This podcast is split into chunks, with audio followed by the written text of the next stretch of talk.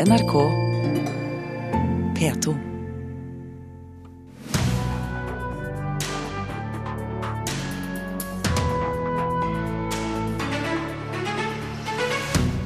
Facebook vil overvåke nettbruken din for å skreddersy reklamen. Dette går på personvernet løs, mener Forbrukerrådet. Museene på Tøyen vil trekke flere trendy unge voksne inn dørene. Vi er dritkule allerede, folk vet det bare ikke, er beskjeden fra Naturhistorisk museum. Han skrev store om store eksistensielle tema og etterlater seg et særegent forfatterskap. Det sier vår kritiker om forfatter Jan Roar Leikvoll, som døde før helgen. Her er Kulturnytt i Nyhetsmorgen med Thomas Alvarstein Ove. Forbrukerrådet er sterkt kritisk til at Facebook vil sjekke hvor du surfer på internett. Facebook vil snart begynne å overvåke hvilke nettsider folk bruker for å tilpasse reklameannonsene den enkelte bruker. Det er et alvorlig overtramp mot personvernet, mener Forbrukerrådet. Sammen med en rekke andre forbrukerorganisasjoner i Europa har de nå bedt amerikanske myndigheter om å stoppe Facebooks nye annonsestrategi. Hva slags reklame får dere på Facebook? Jeg føler jeg har hørt noe om noe Zalando. Jeg tror kanskje det er skobutikker eller et eller annet sånt. Nei, jeg tenker ikke særlig over det. Facebook-brukerne Bendik Kjørholt og August Kann legger ikke spesielt merke til reklamen når de er inne på det sosiale nettstedet. Det vil Facebook gjøre noe med. For nå vil nettgiganten sjekke hva brukerne driver med på nettet, for å kunne skreddersy annonsene til hver enkelt bruker. Det høres jo på en måte litt sprøtt ut, men samtidig så det gjør meg på en måte ingenting. Jeg, er bedre om å få tilbud om damesko, på en måte. Det de gjør, er at eh, når du ikke er på Facebook og surfer på en eller annen nettside, så samler Facebook informasjon om det. Og basert på dine søk så kan de lage en ganske avansert profil om hvem du er, hva dine interesser er og hva du liker. Det sier fagdirektør i Forbrukerrådet, Finn Myrstad. Han er svært lite begeistret over at Facebook vil overvåke brukernes nettsurfing. Det er fordi Facebook nå ønsker å samle inn mye mer informasjon enn det folk forventer, og mer enn det vi mener er lovlig. For nå ønsker de å samle informasjon når folk ikke er på Facebook, og det mener vi er et stort overtramp. Sammen med forbrukerorganisasjoner i Europa og USA har Forbrukerrådet nå sendt et brev til amerikanske og irske myndigheter for å få dem til å gripe inn mot det de mener er et overtramp mot personvernet. Fordi folks eh, vaner på internett er privat. Du har eh, helseinformasjon, du har andre ting du gjør på nettet. Og det vil ikke du nødvendigvis komme på avveie. Den informasjonen kan misbrukes og brukes av kommersielle aktører til ting du ikke veit hva er. Og det er et grunnleggende prinsipp at folk skal ha kontroll over sin egen personinformasjon. Og det har de ikke når Facebook holder på som de gjør. Facebook mener imidlertid at brukerne ønsker seg mer relevante annonser på det sosiale nettstedet, og i en e-post til NRK svarer selskapet følgende om kritikken fra forbrukerorganisasjonene. Folk har større kontroll over reklame på Facebook enn de har på andre nettsteder. Folk kan sjøl avgjøre hva slags annonser de vil ha, og alle kan velge bort å få reklame som er basert på nettsidene de besøker. Det er helt feil. Forbrukerne kan ikke velge det her bort veldig lett. Det er veldig vanskelig, veldig komplisert, og det vet Facebook. Vi mener at her må forbrukerne bli mye bedre informert om hva som skjer. Og så må Facebook slutte å samle inn mer informasjon enn det som forbrukerne forventer. De forventer ikke å bli fulgt over hele nettet og overvåka på alt de gjør sa Finn Myrstad i Forbrukerrådet til reporter Halvor Haugen. Robindra Prabu, prosjektleder i Teknologirådet. Hvorfor er det viktig for Facebook å kunne bruke informasjon om brukerne sine? Ja, altså Facebook er jo i likhet med veldig mange andre internettjenester avhengig av annonsørinntekter for å kunne levere tjenester gratis til oss. Eh, og, og, det er jo to grunner kanskje særlig til at Facebook er interessant for annonsører. Det er jo at vi tilbringer veldig mye tid på Facebook. Og det andre er at eh, Facebook vet veldig mye om oss. Vet hvor gamle vi er, gjerne hvor vi bor, hva vi liker å gjøre på fritiden. Og ikke bare hva vi gjør, men også hva vennene våre liker å gjøre. Facebook sier det gir brukerne større kontroll over egen informasjon. Hvor vanlig er det å bruke denne typen informasjon til å nettopp målrette reklame? Jeg kan ikke gi noe tall på nøyaktig hvor vanlig det er. Men det jeg kan si er at det er noe som kommer til å bli vanligere og vanligere fremover. Vi ser jo veldig tydelig at veldig mange internettjenester i dag bruker skreddersydde reklamer. Vi ser at eh, disse algoritmene som plasserer disse reklamene, blir bedre og bedre. Og det er veldig vanskelig for en, nettbruker i dag å ikke legge igjen eh, informasjonsmuler når man surfer på internett, som kan brukes av, eh, av selskaper som i kulissene samler opp den informasjonen og lager kundeprofiler på oss. Nettopp for å, for å skreddersy reklame. Er vi brukerne nok klar over i, i, i stor nok grad uh, hvordan dette foregår? Nei, jeg tror at uh, at, at, som vi hørte i reportasjen her, det er helt riktig at, at veldig mange opplever nok eh, denne aktiviteten som egentlig skjer i kulissene, altså bak, bak det vi ser i browseren vår, eh, som ganske eh, altså skjult, eh, som noe som, som, er litt vanskelig å forstå, og som er litt skyggefullt. Og at, at, det er veldig vanskelig for oss å få oversikt over hvem som faktisk følger oss på internett, hva de vet om oss. Og og, og, og, på en måte se den profilen som annonsørene ser. Den, det å kunne gjøre den informasjonen tilgjengelig til brukerne tror jeg vil være eh, viktig når vi nå, når vi nå eh, går, går, fremover. Forbrukerrådet har vi frykter at eh, denne typen informasjon kan bli misbrukt. Hvor uh, trygg tror du, mener du denne typen informasjon er? Jeg tror dette handler om tillit, og selv om ikke jeg har noen grunn til å mistenke Facebook for å ikke gjøre det de kan for å holde dataene mine sikre, så har vi jo sett, senest nå i lys av Snowden-saken, at eh, vi aldri har noen garantier for at informasjonene våre er sikker. Og, eh, og dessuten så så tenker jeg at, eh, at at, at, at, vi må få denne muligheten til å få denne oversikten over den informasjonen som vi har, altså de sporene vi legger igjen, legger igjen på internett. Og I forlengelsen da, av dette her, så tenker jeg også at, at, at det blir viktig å, å, trekke opp balansen mellom hva som egentlig er skreddersydd informasjon, personalisering, og hva som er diskriminering. Når algoritmen bestemmer hva eh, jeg skal få se på en side, så betyr det nødvendigvis at det er informasjon jeg ikke får se. Og over tid, hvis det da betyr at jeg ikke får en reklame om et lånetilbud, eller at jeg ikke får reklame om et bestemt utdanningstilbud, så kan jo det også, i hvert fall over tid, oppleves som diskriminering. Og som en, en eh, tabbe, kanskje, fra Facebook side på, på sikt, da? Ja, absolutt. Robindra Prabu, prosjektleder i Teknologirådet, takk for at du kom til Kulturnytt. Nordland musikkfestuke åpnet i Bodø i helgen, og skal fylle byen med musikk ti dager til ende.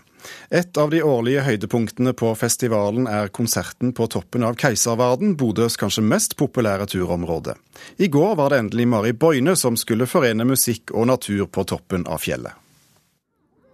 Det er klart. Mitt hjerte er her i nord. Det er altså helt sikkert. Det er nesten vindstille på Keiservarden, Bodøs mest populære turløype. Her på 366 meter over havet venta 2500 publikummere på Mari Boine. Jeg er veldig imponert over publikum i dag, for jeg fikk vite at de, de får ikke lov å kjøre opp hit, de må gå. Det er jo helt fantastisk å gjøre det her i dette landskapet. Det, det tror jeg blir utrolig fint. Jeg går imot de nyankomne publikummerne som svetter seg oppover bakken til toppen av Keiservarden. Aud Skjøtt Fredriksen kommer smilende imot meg. En veldig høy stigning på slutten. Ja, og helt å begynne med når det går helt nedenfra.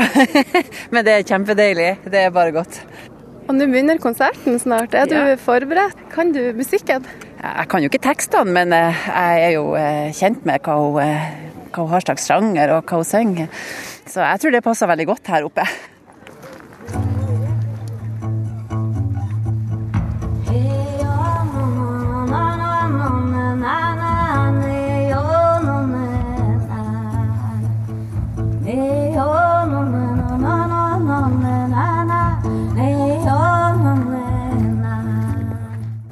Ble jo Jeg har jo juksa i dag. Jeg ble kjørt opp.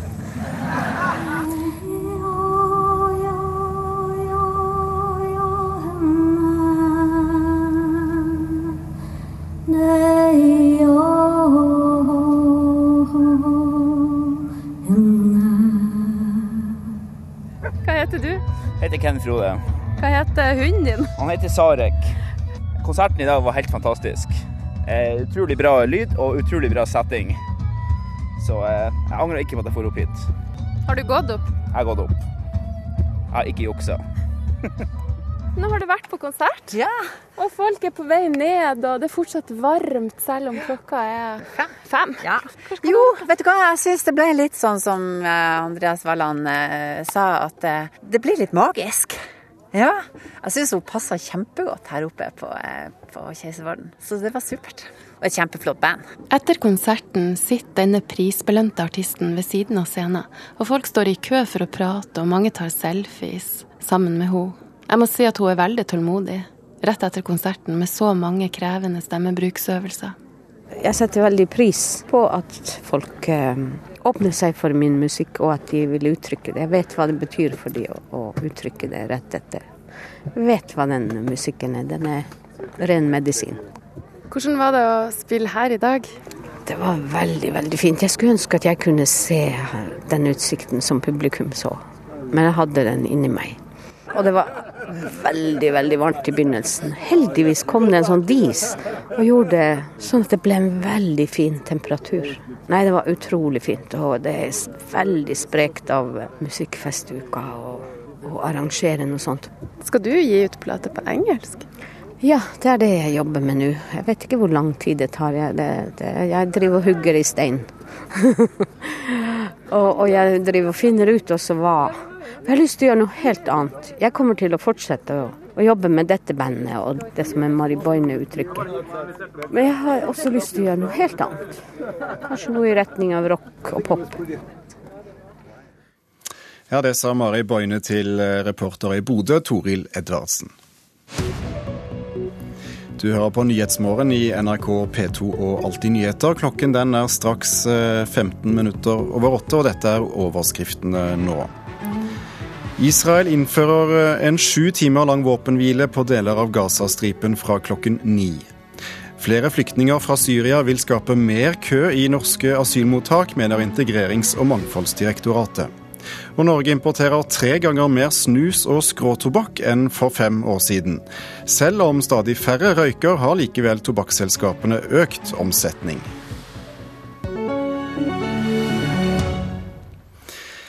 Flere museer satser på å tiltrekke seg et nytt publikum når Øyafestivalen starter i Oslo denne uken. Ved Naturhistorisk museum på Tøyen håper de rocka fossiler vil få rockerne inn dørene.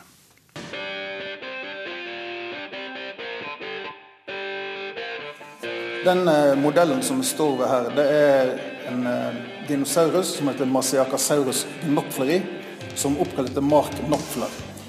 Fossiler oppkalt etter rockelegender fra Dire Straits, Sex Pistols og Motred preger for tiden en krok innerst på Naturhistorisk museum i Oslo. Når Øyafestivalen arrangeres på Tøyen for første gang, rett ved siden av museet, håper museumsledelsen at rockerne tar turen innom dem før festivalstart, forteller Torstein Helleve. Museet tilbyr billetter til halv pris, og har egne folk på stand som skal friste publikum inn på utstillingene. Ja, vi har eh, en som kommer og snakker om meteoritter. Vi har en som eh, kommer og snakker om eh, øglene som er gravd ut på Svalbard. Så håper vi da at vi kan eh, lokke inn folk til, til å besøke museet. Det kan jo være en fin, fin, litt forsiktig åpning på dagen å ta en tur på museum og Botanisk hage. Spesielt dersom en har kanskje litt sarte nerver der dagen er forveien, så kan en ta det litt piano før en går over til gitarene igjen. Riggingen av Øyafestivalen er i full gang på Tøyen. Også Munch-museet på den andre siden av området jobber for at rockepublikummet skal oppdage dem de fire dagene Øyafestivalen pågår. Også de vil ha festivalstand og rabatterte priser til festivaldeltakerne.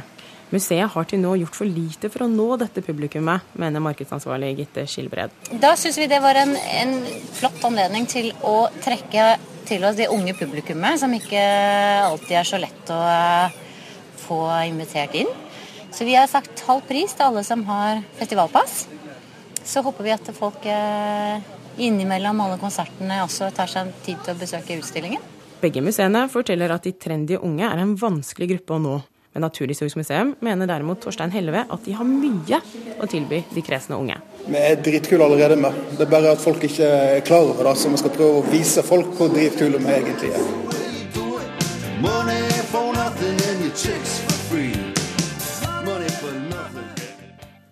Og reporter på museum, det var eh, Gabrielle Gråtrud. Bjørn Olav Tveit, eh, seniorrådgiver i Kulturrådet med formidling som ekspertise. Er dette en god måte å nå nye grupper på? Du, Det gjenstår jo for så vidt å se, men hvis jeg kan få bruke uttrykket til Helleve her, så vil jeg jo si at det i utgangspunktet er et dritkult tiltak. Eh, særlig for oss som jobber eh, med museumssektoren i Norsk kulturråd. Vi er jo veldig opptatt av at museene skal være nyskapende, aktuelle og offensive samfunnsaktører. Og det er klart at eh, da er jo sånne tiltak som dette rett og slett forbilledlige. Ja, hva slags, eller Hvilke museer er det som lykkes med å nå flest mulig folk?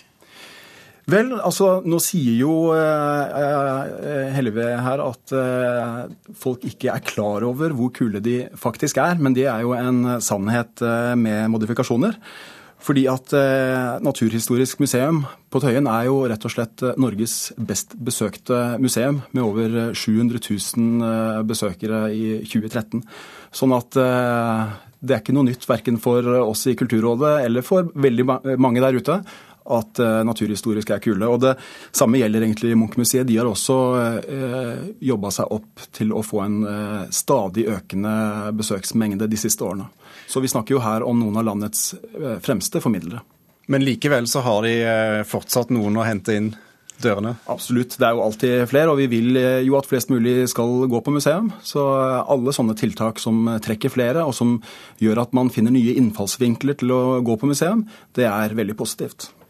Du arbeider spesielt med, med digital formidling, eh, og, og, det er eh, metoder som stadig mer tas i bruk. Men hvordan unngå at det bare blir en gimmick, eh, men noe som faktisk også trekker folk?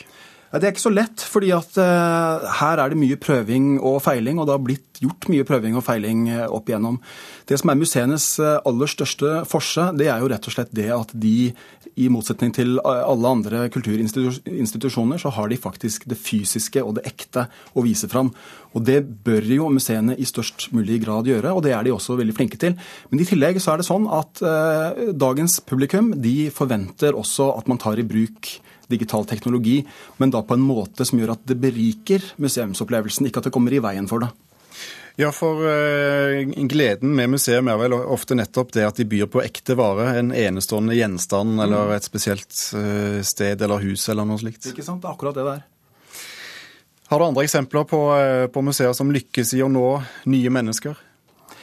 Det er eh, veldig mange flinke folk der ute i museumssektoren som eh, stadig bruker eh, nye metoder for å nå nye mennesker. For det første, det å, å satse mot unge voksne. De, gjerne, de aller fleste museer har jo reduserte billettpriser til nettopp unge voksne for å trekke det publikummet. Og I tillegg, som du sier, så tar veldig mange museer i bruk ny teknologi. og Da er det jo ganske nærliggende å trekke fram Eh, musikk- eller populærmusikkmuseene våre. Med Rockheim i spissen, og også Rock City i Namsos og Popsenteret her i Oslo. Eh, og I tillegg så er det sånne som eh, f.eks. Vestfoldmuseene, som tar i bruk 3D-teknologi på iPader for rett og slett å skape et, et, slags virtuelt vindu inn i fortiden, sånn at man kan gå rundt med iPaden sin ute i museumslandskapet og få et innblikk i hvordan dette så ut for eh, hundrevis av år siden. Bjørn Olav Tveit, eh, seniorrådgiver i Kulturrådet, takk for at du kom til Kulturnytt. Forfatteren Jan Roar Leikvoll døde før helgen, bare 40 år gammel. Han debuterte med romanen 'Eit vintereventyr' i 2008. Siden har han fått mange priser og blitt eh, kjent for sin egen, ofte brutale stil. Leikvoll snakket åpent om at han levde med en hjernesvulst, bl.a. i bokprogrammet i NRK for to år siden. Altså Veldig mye av det raseriet jeg opplevde i Bovara, men òg alle, alle, tre bøkene sett under ett, det var et raseri som oppsto når jeg var eh, i slutten av tenårene. Og når man ser på bøkene mine som helhet, så er, så er det raseriet knyttet til sykdom veldig sterkt. Arne Katrine Straume, litteraturkritiker her i NRK. Hvordan kommer raseriet frem i Leikvolls romaner? Det kommer frem som en følelse av klaustrofobi eller en innestengthet eller en maktesløshet. Han beskriver ofte eh, relativt unge mennesker som er offer for andres maktmisbruk, men som ikke da nøler med å bruke makt selv når de kommer i en situasjon hvor de har et lite handlingsrom. Han borer i de mørkeste sidene av, av menneskene og, og, viser hvor kort det er å gå fra et sivilisert samfunn til et dyrisk og primitivt samfunn. Var det nettopp det som gjorde Leikvolls forfatterskap særegent? Ja, det at han hele tiden eh, forsker i disse yttergrensene av hva det vil si å være et menneske, samtidig som han beskriver gru og vold og brutale overgrep med et veldig vakkert, poetisk og musikalsk. Eh, musikalsk språk. Eh, og det gjør at vi blir sittende med en, en ubehagelig følelse, og det er foruroligende bøker han har skrevet.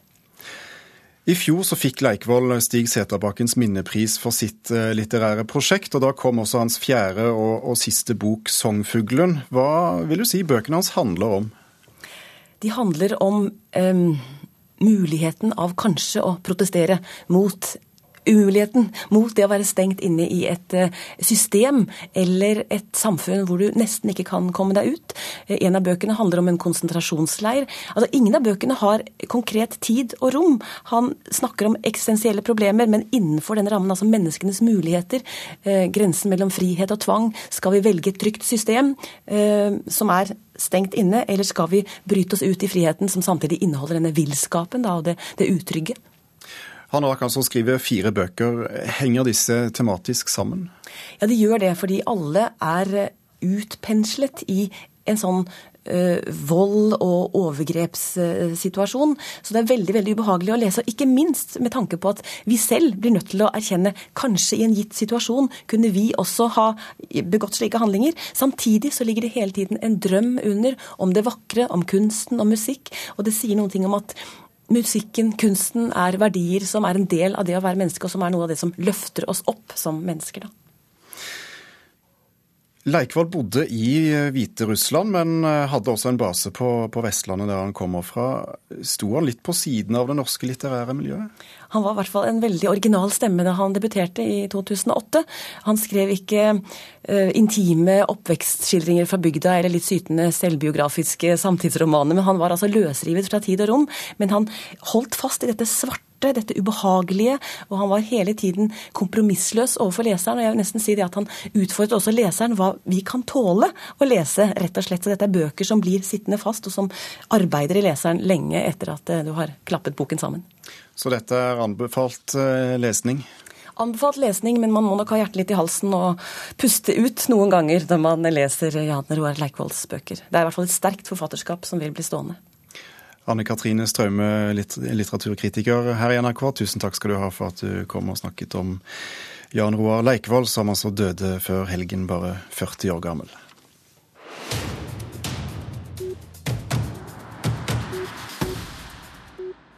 Vi holder oss i litteraturens verden her i eh, Kulturnytt. Eh, John Williams er en forfatter ikke mange har hørt om. Han døde for 20 år siden og hadde da for lengst lagt ned pennen. Men i disse dager opplever bøkene til den amerikanske litteraturprofessoren en renessanse. I hvert fall gjelder det for en av romanene hans som har tittelen Stoner. Vår kritiker Marta Norheim har lest Stoner, som nå kommer ut på norsk. Denne romanen er ikke bare ei bok, han er et fenomen. Så la meg starte med fenomenet. Stoner kom i 1965 og hadde si tilmålte tid blant amerikanske lesere før den mer eller mindre forsvant. Så, de seinere åra, har den ene etter den andre nevnt boka, hun har kommet ut på ny i USA, og nå dukker hun opp på stadig nye språk, og historier om romanen og om alle som elsker den, står utførlig gjort greie for i den norske versjonen. Hvis denne boka ikke tek av i Norge, så er det ikke fordi forlaget slurver med innsalet. Det er vanskelig å si hvordan slike fenomen oppstår. At det blir mye styr rundt ei bok, betyr bare at noen har greid å sette i gang mye styr.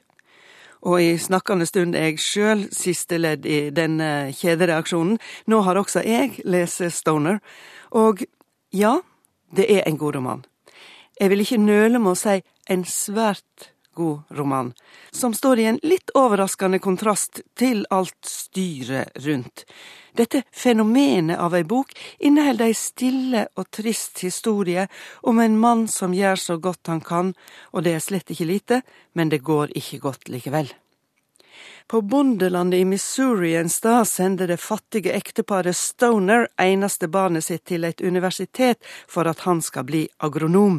Året er 1910, foreldra har spinka og spart for at sønnen skal lære om jordbruk og få et bedre liv enn de sjølve, som har slitt tungt for å pine et utkomme av jorda men Stoner forelsker seg i litteraturen og går over til å dyrke kunsten i stedet for åkeren, han forelsker seg i den forfina Edith, og han blir etter hvert hjelpelærer i litteratur ved universitetet. Aldri mer enn hjelpelærer.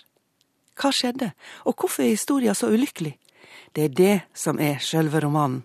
Stoner er ei lita historie om et ganske vanlig menneske som på sin forsiktige måte prøver å realisere den amerikanske drømmen om å overskride fattigdommen og bli noe annet. Ikke fordi han er ambisiøs, men fordi han oppdager at han elsker litteratur, og fordi en professor oppdager at han er et talent. Det er ei lita historie, men likevel rik på lesemåter. Det handler om klassereiser, om hva som skjer både med de som reiser og de som blir att. Det handler om krigens etiske dilemma for en ung mann. Det handler om hvor langt en skal gå for å tekkjast overordna med dårlig dømmekraft. Men først og sist handler det om å være grunnleggende aleine i verda.